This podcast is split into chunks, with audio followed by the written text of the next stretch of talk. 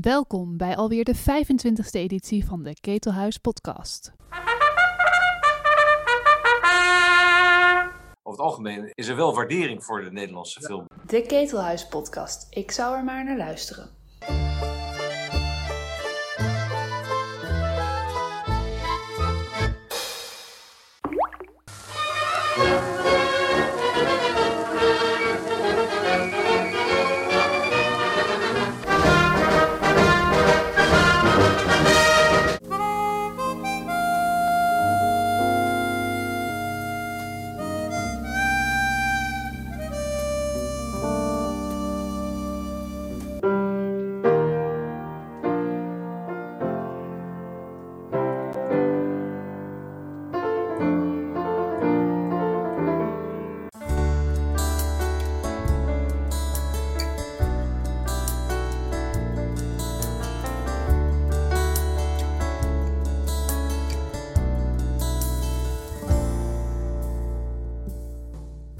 Welkom bij inderdaad de 25e aflevering van de Ketelhuis Podcast.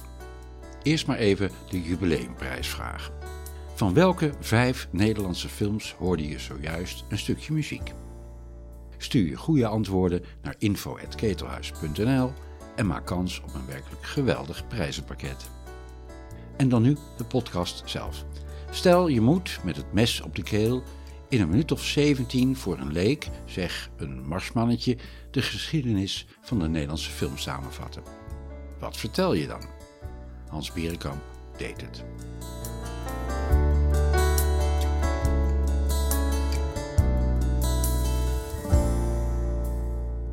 Zoals overal in de wereld begon ook in Nederland de film op de kermis. Of in variétévoorstellingen tussen de jongleurs. En de vuurvreters, Varieté Flora bijvoorbeeld, in Amsterdam. Al snel ontstond de behoefte aan eigen producties. Stukjes documentaire, maar ook speelfilm. En de belangrijkste studio die dat leverde was Hollandia Films van Maurits Binger in Haarlem aan het Spaarne. Er was een eigen Nederlandse filmster, de eerste diva, Annie Bos, hoofdrolspeelster in vele Hollandia-producties. De commerciële productie was weliswaar succesvol bij het brede publiek, maar er waren ook intellectuelen die dat allemaal maar niks vonden. Ze verzamelden zich in de Filmliga, die Sovjet-films van Eisenstein vertoonden in kleine zaaltjes, en op zondag naar Tuschinski toog om daar gezamenlijk Hollywoodfilms uit te fluiten. Groot succes in de bioscopen waren ook de Jordaanfilms van Adrienne Solser, die zelf de hoofdrol speelde van Jordaanse vrouw Bet een, een, hele serie van films. De eerste vrouwelijke Nederlandse regisseur in 1926 al. Toen de geluidsfilm kwam, werd eerst een prestigieuze productie gemaakt. Een nationale, Nederlands nationale film over de vader des vaderlands, prins Willem van Oranje. Met in de hoofdrol Cor van de Lucht Melser op gedragen toon. Aan de andere kant was er het grote succes van de Jordaan films met muziek. Die werden opgenomen in de Cinetoon Studios in Duivendrecht, bijgenaamd Hollands Hollywood, zoals bezongen door de toen grootste ster Fien de Lamar, zangeres, actrice en eigenzinnige dame. Die films waren voornamelijk gemaakt door Duitse Joodse immigranten die op de vlucht voor de nazi's in Nederland waren ingestreken. Maar toen eenmaal Nederland ook bezet was door de nazi's, hield het snel op en werden er in Cinetoon alleen nog maar films gemaakt die aan de Duitse propaganda-eisen voldeden, zoals een film over de nationale schilder Rembrandt. Na de oorlog was er bijna niets meer over van de Nederlandse filmindustrie. De meeste makers waren vermoord. De mensen die nog wel overbleven proberen uh, op bescheiden schaal films, speelfilms te maken, zoals de eerste echte grote naoorlogse film. De Dijk is dicht met in de hoofdrol Kees Brussen gesitueerd in Westkapellen nadat de doorgestoken dijken in 1945 van Walcheren weer opnieuw gedicht waren. En ook de Jordaanfilm maakte zijn rentree met de inmiddels wat oudere Heintje Davids in de hoofdrol van een koninkrijk voor een huis. Een film uit 1954 over de woningnood, waarin een volksfamilie gedwongen wordt intrek te nemen in de Apollo, op de Apollolaan. Een koninkrijk voor een huis was eigenlijk een voorloper van het latere Vlodder. Wat groot succes had zowel eh, op de internationale festivals als bij de critici waren films van de Hollandse documentaire school wederopbouwfilms, rhapsodieën van uh, wind en water en staal en wederopbouw. Mensen als Herman van der Horst en ook Bert Haanstra. De meest succesvolle Nederlandse filmer die uh, aan de lopende band Gouden Beren, Gouden Palmen en Oscars won. Eens in het jaar, of misschien twee keer per jaar, was er een Nederlandse speelfilm. Vaak geregisseerd weer door een Duitser, zoals Georg Jacobi, die in 1958 de Duitse komedie Kleidermachen vertaalde naar Klerenmakende man. Het was een uh, film die weer totaal mislukt werd verklaard door de critici, die een manifest opstelden waarin ze uh, ervoor pleiten om nooit meer speelfilms in Nederland te maken. Want we waren wel goed in documentaires, maar fantasie, nee, dat hadden we niet in Nederland. Dus die speelfilms, daar kon je beter mee, mee stoppen. Een van de critici die dit niet had ondertekend was Jan Blokker, filmcriticus van het Algemeen Handelsblad, die inmiddels het scenario had geschreven voor de eerste speelfilm van Bert Haanstra, van Varen. Een boerencomedie in de trant van de Britse Ealing comedies en een groot publiek succes. Uh, het was het begin van een soort van continue Nederlandse speelfilmproductie met geld van het productiefonds, waarin zowel het bioscoopbedrijf als de overheid in gelijke mate bijdroegen om de productie van speelfilms in Nederland mogelijk te maken. Naast Haanstra was er meteen een andere regisseur, Fons Rademakers van Huis uit Acteur, die een aantal uh, uh, films maakte, ook gebaseerd op romans, zoals Als Twee Druppels Water, naar de donkere kamer van Damocles van W.F. Hermans. De Tweede Wereldoorlog was een dankbare bron voor films in een land waar verder niet heel veel dramatische situaties te detecteren vielen. Intussen was er ook een filmacademie opgericht met als eerste generatie uh, regisseurs onder meer Frans Wijs en Noeska van Brakel. Ze hadden niks om zich tegen af te zetten, zoals in Frankrijk de Nouvelle Vague, dus werden ze later genoemd de eerste golf. En ze maakten films voor een klein publiek, gebruik maakten van 16 mm, de studio's uitgingen. Uh, en een van de pioniers van die eerste golf waar, was ook het duo Pim de La Parra en Wim Verstappen, die oprichtten niet alleen het filmblad Scope, maar ook de productiemaatschappij Scorpio voor low-budget films met vaak een uh, wat pikant karakter.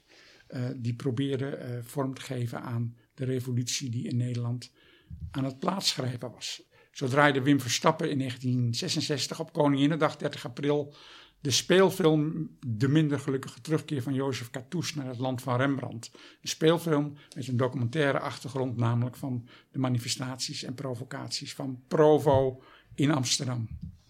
Die films van de eerste golf trokken weinig publiek, maar in 1971 veranderde ineens alles. Het werd wel het wonderjaar van de Nederlandse speelfilm gemaakt.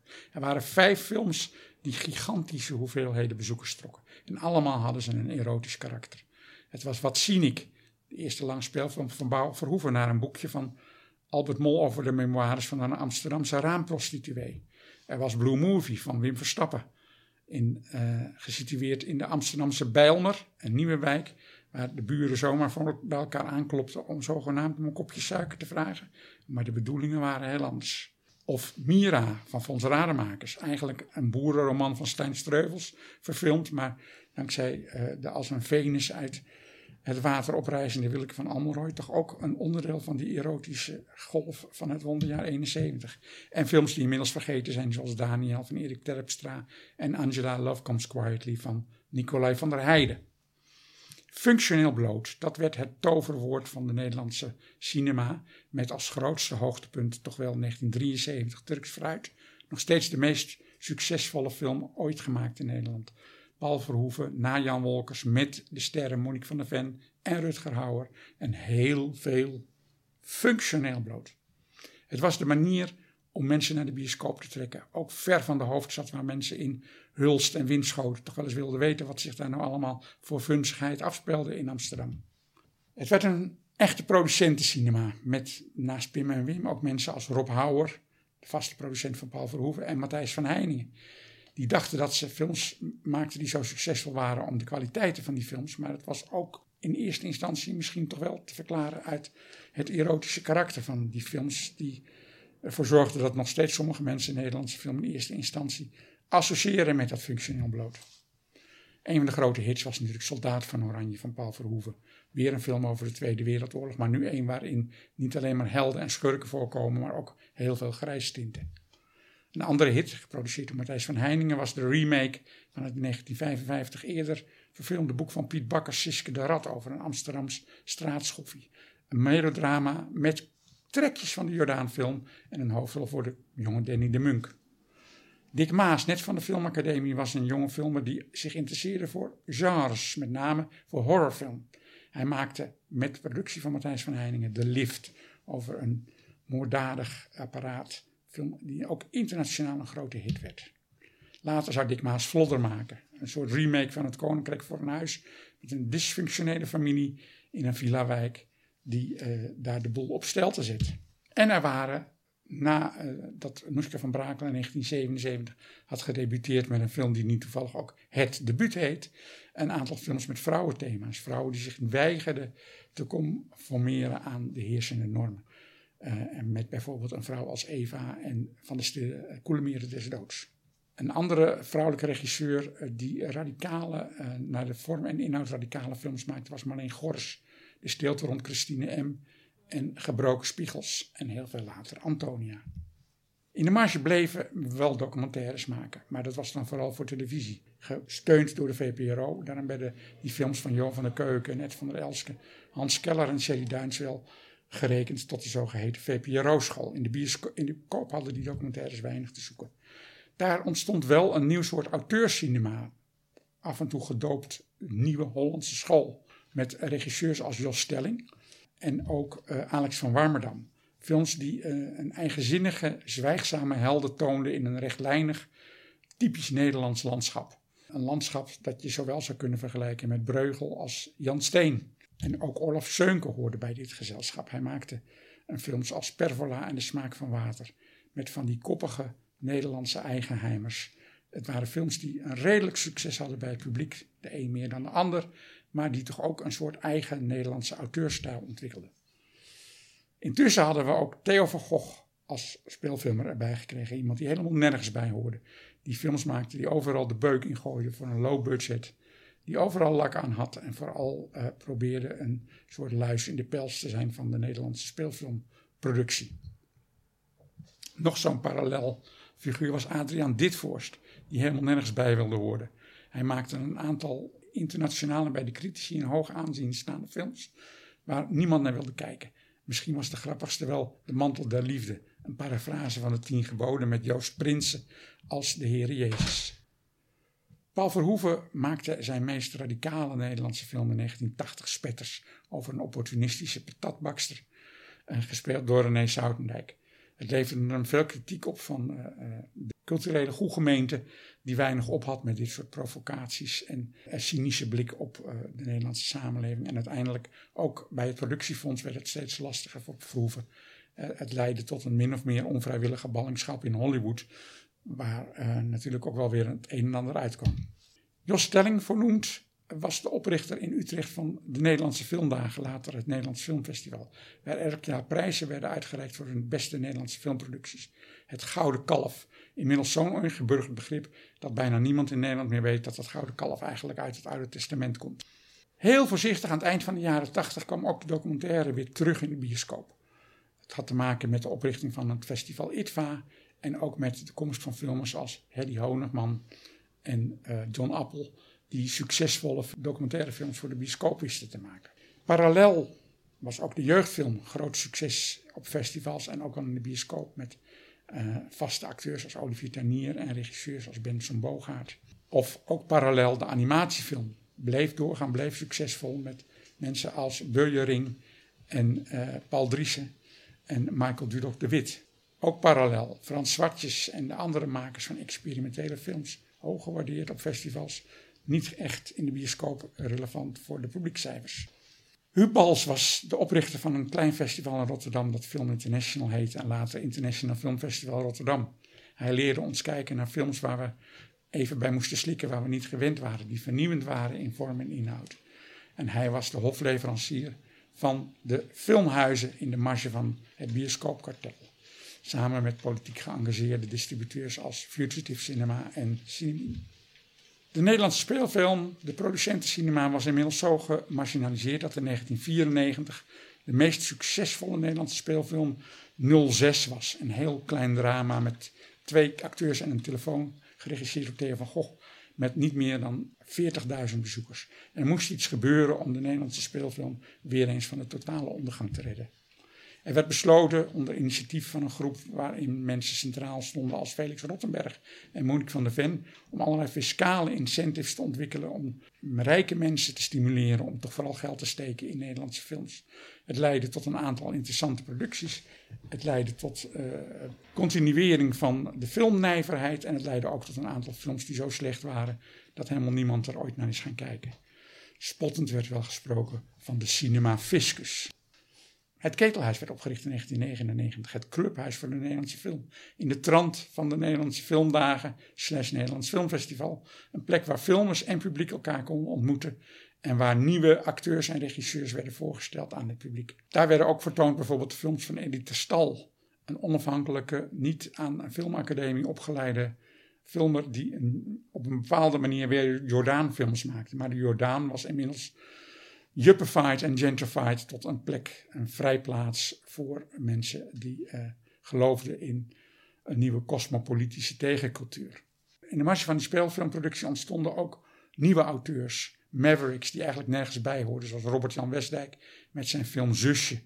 Een uh, semi-autobiografisch verhaal over een, meisje gespeeld door Kim van Koten. Het was een uh, enorm succes, mede dankzij de verrassende première op het Nederlands Filmfestival.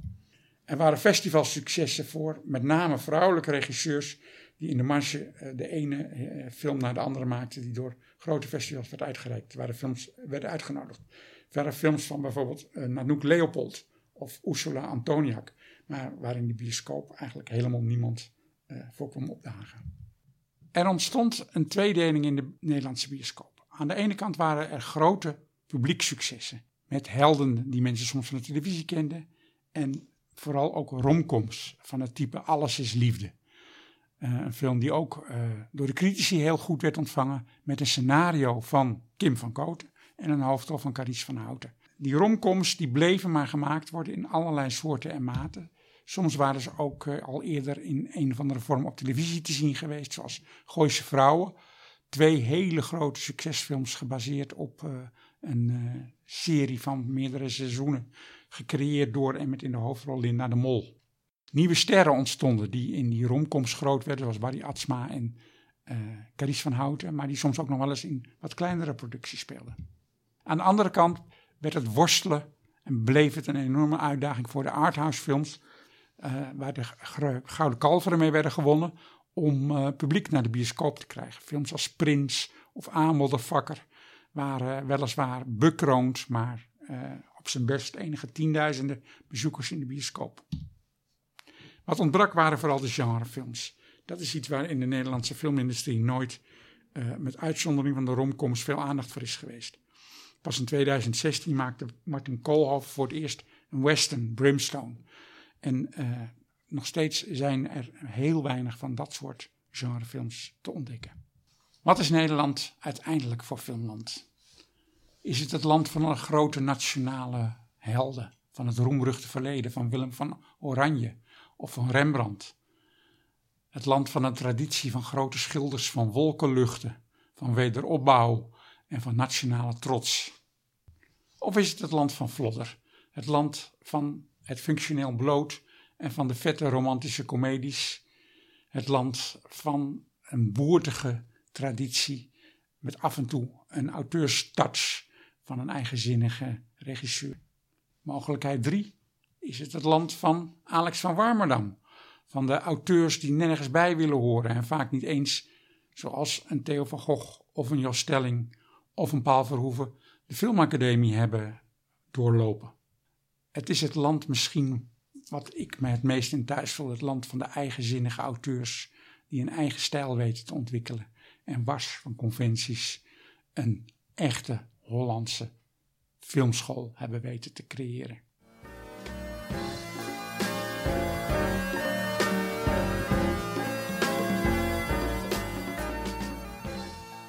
Tot zover deze Ketelhuis podcast. Deze podcast wordt gemaakt door Hans Berenkamp, Nico van den Berg, Alex de Ronde, Floortje Smit en Lieselotte Roodbol. De Ketelhuismelodie werd zo'n 20 jaar geleden gecomponeerd door Sylvia Holstein. Je vindt de Ketelhuis podcast in je favoriete podcast app en natuurlijk op onze website ketelhuis.nl slash podcast. Abonneer je vooral zodat je geen enkele aflevering mist en leuk als je een reactie achterlaat. Hou ons in de gaten, we zijn snel weer terug met een nieuwe podcast.